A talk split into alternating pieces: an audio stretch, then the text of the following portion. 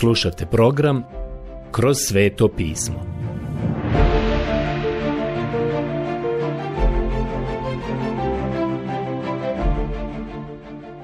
Knjiga Poslanica Efežanima Odlomak Poslanica Efežanima Poglavlje 2 od 14. stiha do poglavlja 3 Želimo završiti ovo predivno drugo poglavlje i primijetit ćete da sam prošli put prilično žurno prešao preko odjeljka od 14. do 17. stiha. Želim samo napomenuti jednu ili dvije stvari o tome, jer ono što se ovdje govori jeste da je Gospod Isus Krist naš mir, to jest mir i za Hebreje i za pagane, jer se ovdje govori o razlici između njih. On je srušio pregradni zid odnosno srušio je podjelu, neprijateljstvo koje je bilo između te dvije skupine. On je sada načinio novog čovjeka, sastavio nas je zajedno u Kristu i uspostavio mir. To jest imamo mir sa Bogom i trebali bismo imati mir i jedni sa drugima. Da pomiri s Bogom oboje u jednom tijelu po križu. Božje dijelo pomirenja već je dovršeno.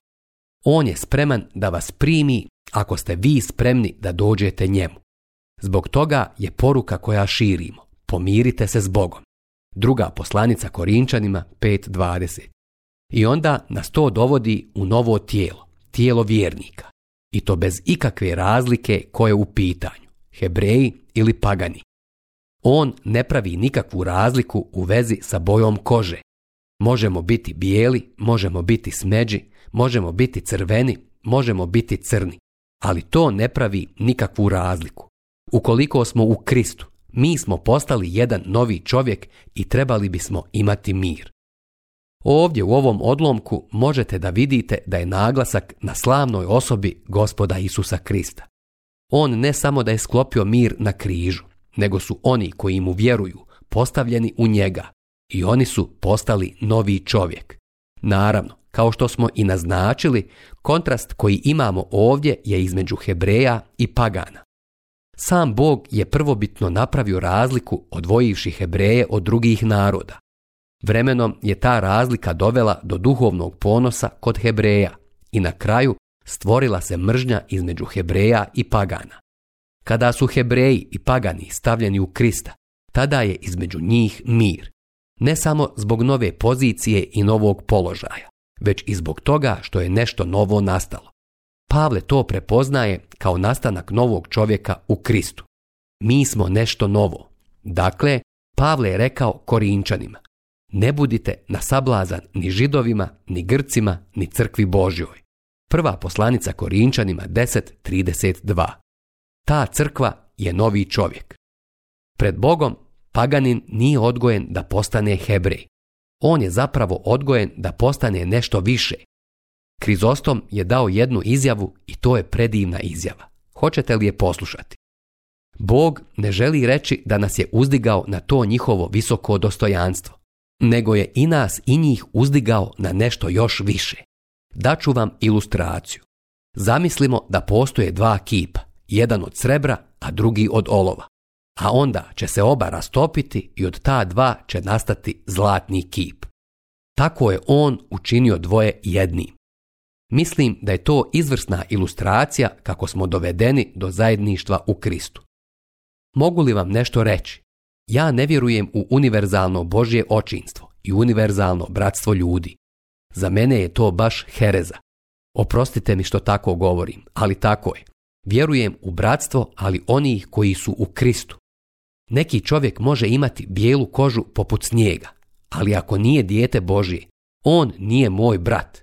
Nije me briga šta ćete reći, ali on nije moj brat. Neki čovjek može imati kožu crnu poput ponoći, ali ako je dijete Božije, on je moj brat. Ne možete pobjeći od toga. Mi smo nešto novo. Mi smo novi čovjek u Kristu. To je zgrada, hram koji Bog danas gradi. Zbog toga bi bilo tačnije reći da je Hebrej spušten na nivo paganina, jer time što su obojica u istom stanju grijeha, svi smo mi zapravo braća kao grešnici, kao Adamovi sinovi. Pavle kaže, šta dakle, jesmo li mi židovi u prednosti?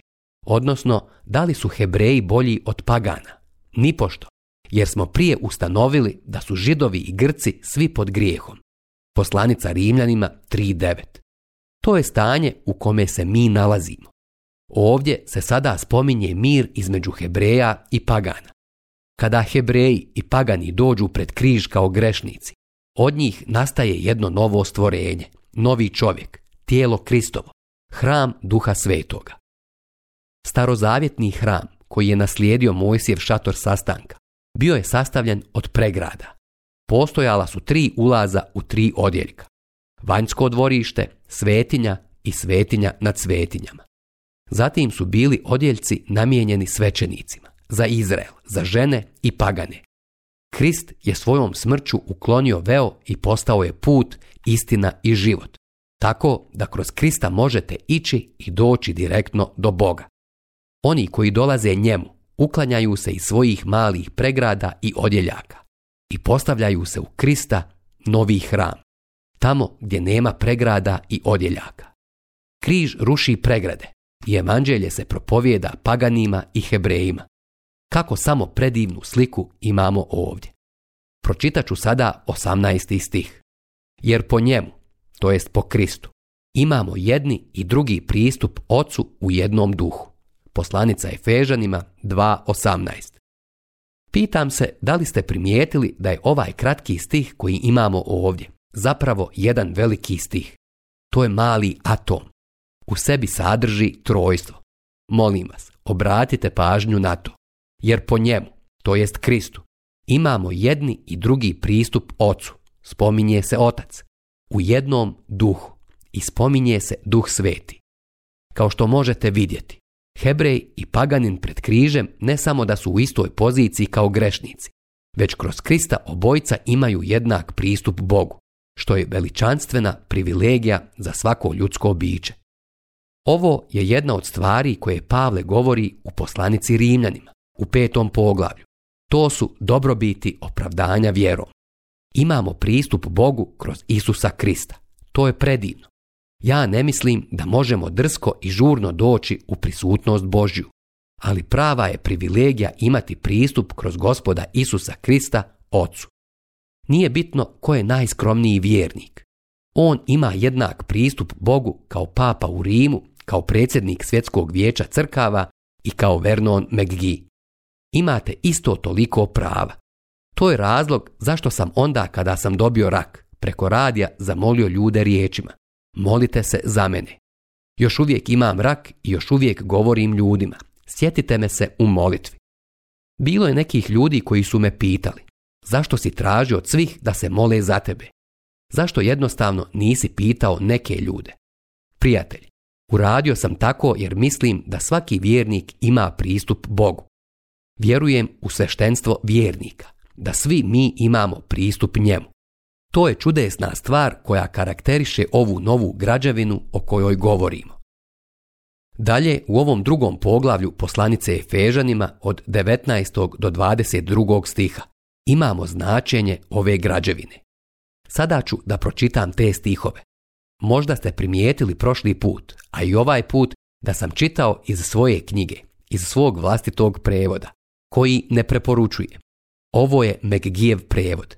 Sve što činim zapravo je doslovno iznošenje. Poslušajte. Dakle, vi više niste došljaci i pridošlice, to jest stranci, nego ste sugrađani svetih i ukućani Božiji. Nazidani ste na temelju apostola i proroka, a sam Krist Isus je glavni ugaoni kamen. Tako dakle, više niste tuđinci ni došljaci, nego ste sugrađani svetih i Božji ukućani, nazidani na temelju apostola i proroka, a ugaoni je kamen sam Krist Isus. Poslanica Efežanima 2, 19 do 20. Pavle ovdje sada podsjeća vjernike čije je porijeklo pagansko, da iako su bili stranci i otuđeni od Boga, njihov sadašnji položaj je beskrajno bolji. Nisu više stranci i došljaci, oni su sugrađani sa svetima. Riječ sveti se ovdje ne odnosi na starozavjetne svece. Oni su sugrađani novozavjetnih svetaca, ostalih članova tijela Kristova. Oni sada pripadaju kućanstvu, ali ne kao sluge, nego kao rođaci, to jest mi smo članovi Božje porodice. Mi smo njegova draga dječica. Poslušajte apostola Ivana kako divno govori o tome u prvoj Ivanovoj poslanici, u drugom poglavlju u 12. stihu. Pišem vam dječice, jer su vam oprošteni grijesi po njegovu imenu. Mi smo ta dječica. Ovo je jedan potpuno novi odnos. Odnos koji je bio nepoznat u starom zavjetu. Čak je i David, čovjek po Božijem srcu nazvan moj sluga David, u drugoj knjizi Samuelovoj u sedmom poglavlju u osmom stihu. Mojsije je također nazvan Mojsije Božiji sluga u knjizi brojeva u 12. poglavlju u sedmom stihu. Njihovo državljanstvo nije u Izraelu i u zemaljskom Jerusalemu, nego je na nebu. Ali naša je domovina, državljanstvo, na nebesima, odakle i spasitelja očekujemo gospodina Isusa Krista. Ovo je u poslanici Filipljanima u trećem poglavlju u 20. stihu. Kao što možete vidjeti, mi smo sugrađani svetih. Mi sada pripadamo nebu. Naša domovina je na nebu. Naše državljanstvo je na nebu. A mi smo nazidani na temelju apostola i proroka. Molim vas, zapazite sada sljedeće. Ovo je važno ne znači da su apostoli i proroci bili temelj, ali oni su lično postavili temelj, jer čitamo da je rana crkva bila izgrađena na doktrini koju su apostoli poučavali. Oni su postavili temelj tačno na dan pedesetnice, a o tome čitamo u dijelima apostolskim u drugom poglavlju u 42. stihu. Tamo za one koji su bili dovedeni u crku piše sljedeće bili su postojani u nauku apostola, u zajedništvu, u lomljenju kruha i u molitvama. Mnogo toga je napisano o identitetu proroka. Da li se ovdje radi o starozavjetnim ili novozavjetnim prorocima? Činjenica da su ovdje proroci pomenuti zajedno sa apostolima. Ja mislim da se radi o novozavjetnim prorocima. I mislim da ćete pronaći potvrdu za to kada dođemo do trećeg poglavlja ovdje u poslanici Fežanim. A ugao je kamen sam Krist Isus. Ovo nam otkriva da je Krist stijena na kojoj je crkva sagrađena. Pavle je to veoma jasno izrazio u prvoj poslanici Korinčanima, u trećem poglavlju u 11. stihu. Jer drugoga temelja nitko ne može postaviti osim onoga koji je postavljen, a to je Isus Krist. A Petar je to rekao ovako. Zato stoji u pismu. Evo stavljam na Sionu, ugaoni, izabrani i dragocjeni kamen. Tko vjeruje u njega, neće se posramiti. Vama dakle, koji vjerujete, čast je. Onima koji ne vjeruju, on je kamen koji odbaciše graditelj, koji postade kamen ugaoni, kamen spoticanja i stijena sablazni. nj se spotiču, jer ne vjeruju riječima na što su i određeni. Prva Petrova poslanica 2, 6 do 8. Važna stvar koju ovdje treba zapaziti jeste to da Petar kaže da je gospod Isus taj glavni ugaoni kamen.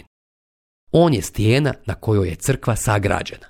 Zbog toga je Petar razumio kada mu je gospod Isus rekao Ti si Petar, na toj stijeni sagradit ću svoju crkvu i paklena vrata neće je nadvladati. Evanđelje po Mateju 16.18 O čemu Isus ovdje govori? On govori o sebi. On je ta stijena na kojoj je crkva sagrađena. I apostoli i proroci su postavili taj temelj, a to je da je Krist glavni ugaoni kamen. On je stijena na kojoj je crkva sagrađena. On je temelj. Sada ćemo pročitati stihove 21 i 22. Na njemu je sva građevina složena i raste u sveti hram u gospodinu. Na njemu se i vi izgrađujete u Božje boravište, što je trajni hram, u duhu. Poslanica Efežanima 2, 21, Ovdje ponovo imamo analogiju starozavjetnog hrama. Mislim da je ovdje očigledan starozavjetni ritual. Ipak, kontrast se otkriva u analogiji. Na primjer, postojalo je nekoliko zgrada u hramu u Jerusalemu. Ja mislim da Pavle ovdje ne misli na različite zgrade, on misli da je svaki pojedinačni vjernik uklopljen i ugrađen u cjelokupnu strukturu. Sjećate se, to je način na koji je i apostol Petar to izrazio, da smo mi kamenje koje je uklopljeno i nazidano na Kristu, na stijeni. Pogledajte prvu Petrovu poslanicu 2.5. Pavle sada govori o crkvi kao o hramu koji je trenutno u izgradnji. To je veoma zanimljivo, jer je u Pavlovo vrijeme Herodov hram, koji je u to vrijeme bio hram, zapravo bio nedovršen. U dane našeg gospoda, taj Herodov hram je bio već 40 godina u izgradnji, a uništen je 70. godine. Ni tada nije bio dovršen. Crkva kao hram je i danas u izgradnji, ali bit će sve završeno. Crkva se gradi na najneobičniji način. Ovdje nam je rečeno da raste u sveti hram. Ovo nam otkriva da još nije dovršena. I struktura se gradi drugačije. Ne stavljate kamen jedan na drugi na uobičajeni način. Ovaj hram raste. Bog uzima mrtav materijal. Materijal koji je mrtav u prestupima i grijehu. Daje mu život, na novoga rađa i taj materijal sada raste u živi hram. Kao što je Solomonov hram izgrađen bez zvuka čekića. Tako i Duh Sveti tiho ugrađuje svakog mrtvog grešnika kroz regeneraciju i krštenje u živi hram.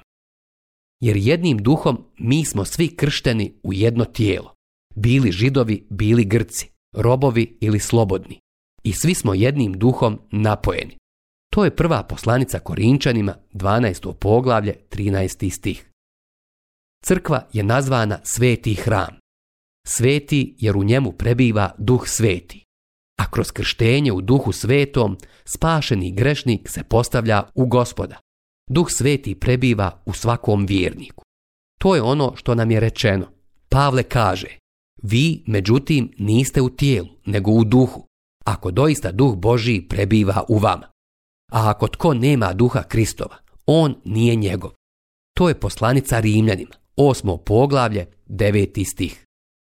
Rečeno je i da je crkva Božije prebivalište, to je stalni božji hram u duhu. Kada se vjernici okupe u zgradi na bogosluženju, duh sveti je prisutan. Na taj način i Bog je u toj zgradi. Ali kada svaki vjernik izađe iz zgrade, ona je prazna. Bog danas nije ni u jednoj crkvenoj zgradi više nego što je u bilo kom baru. Bog danas stanuje u vjernicima, a ne u zgradama. Zapravo, Bog nikada nije boravio ni u jednoj zgradi napravljenoj ljudskim rukama. Poslušajte Solomona. Prva knjiga o kraljevima, osmo poglavlje, 27. stih. A hoće li doista Bog stanovati na zemlji? Eto, nebo i nebesa najviša ne mogu te obuhvatiti. Koliko manje ova kuća koju sagradih.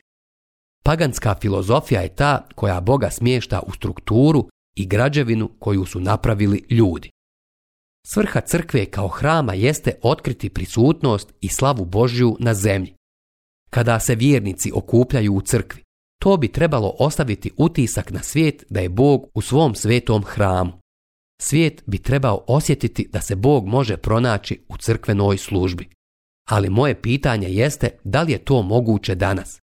Žao mi je ako se čini kao da kritikujem, ali dragi moji prijatelji, Danas ovaj svijet nije siguran da se Bog sreće sa svojim narodom.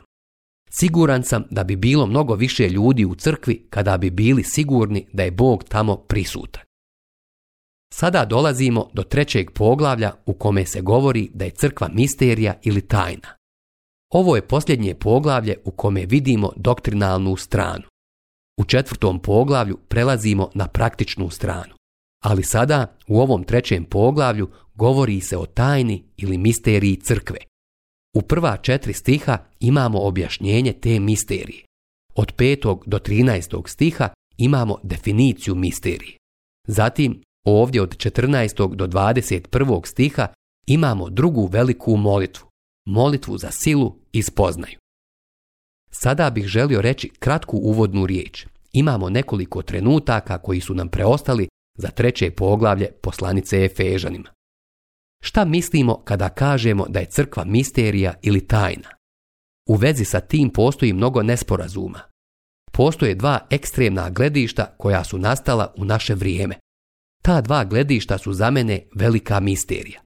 Ja mislim da apostoli nisu imali namjeru da od toga naprave takvu vrstu misterije. Usput, riječ za misteriju nema nikakve sličnosti sa modernim krimi romanima, u kojima misteriozni ubica nije poznat do samog kraja. Ovdje uopšte ne govorimo o Konanu Doylu ili Agati Kristi. Kada govorimo o misteriji, to znači da nešto što ranije nije bilo otkriveno, sada je očitovano. U ovom slučaju to je crkva koja nije bila otkrivena u starom zavjetu, već je to novozavjetna objava. Mofat prevodi riječ misterija kao božanska tajna. Vimut koristi riječ istina. Sviđa mi se izraz božanska tajna. Bila je to božanska tajna, a ta božanska tajna je nešto što Bog nije otkrio do određenog trenutka, ali sada će je otkriti. Već smo ovo obradili kad smo spominjali riječ misterija u prvom poglavlju. Postoje dvije ekstremne grupe. Jedna ignoriše jasnu Pavlovu izjavu da crkva nije otkrivenje starog zavjeta. Oni tretiraju crkvu kao nastavak starozavjetnog Izraela i prisvajaju sva obećanja koja je Bog dao Izraelu. Dr. Ironside mi je pokazao Bibliju koju je prije mnogo godina imao u svojoj radnoj sobi. U starom zavjetu je imao označene teme. Jedna od njih je bila blagoslovi za crkvu. To se nalazilo u prorocima. Bilo je to za Izrael, a bilo je označeno kao blagoslovi za crkvu. Zatim je došao do druge stranice koju mi je pokazao, a tamo je bilo napisano prokletstva za Izrael. Vrlo je zanimljivo da je crkva uzela blagoslove, ali ostavila prokletstva za Izrael, a zapravo i jedno i drugo pripadaju Izraelu. Ova druga grupa ljudi, oni stavljaju nepotreban naglasak na Pavlove izjave da nam je Bog otkrio misteriju crkve i da nam je dao spoznaju misterije Kristove. Oni tretiraju misteriju kao jedinstvenu Pavlovu objavu.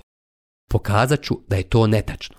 Kao rezultat toga, došlo je do pogubnih pokušaja pomicanja početka crkve na neki datum nakon pedesetnice. Na toj vremenskoj ljestvici je predloženo nekoliko datuma. Kada bi jedan od tih datuma postao neodrživ, onda bi usvojili neki drugi ta grupa ljudi me vjerovatno najviše proganjala i borila se protiv mene više nego bilo koja druga skupina u Južnoj Kaliforniji. Kada neko kaže da sam ja hiperdispenzacionalist, sigurno nije u pravu, jer su se hiperdispenzacionalisti borili protiv mene više nego bilo ko drugi na ovom području. Meni je drago zbog toga, jer smatram da se čovjek poznaje po neprijateljima koje stekne. Ako želite znati koji stav ja zastupam, pitajte liberale u Južnoj Kaliforniji i pitajte hiperdispenzacionaliste i pitajte one koji ne usklađuju svoje živote s riječu Božjom i ne vole proučavanje Biblije. Ja volim svoje neprijatelje. Inače, moji neprijatelji mnogo govore o meni. Dakle, to su dva ekstremna gledišta. Ali vjerujemo da ovdje ima nečeg jako lijepog. I to ćemo vidjeti sljedeći put. Nije li upravo ovo način na koji se stvari iznose i predstavljaju u misterioznoj priči? Nastavit će se sljedeći put. Do sljedećeg puta neka vas Bog blagoslovi.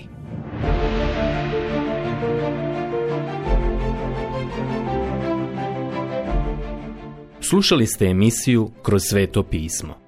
Možete nas slušati i na našem YouTube kanalu putem mobilne aplikacije, te na svim glavnim podcast platformama kao što su Google, Apple i Spotify.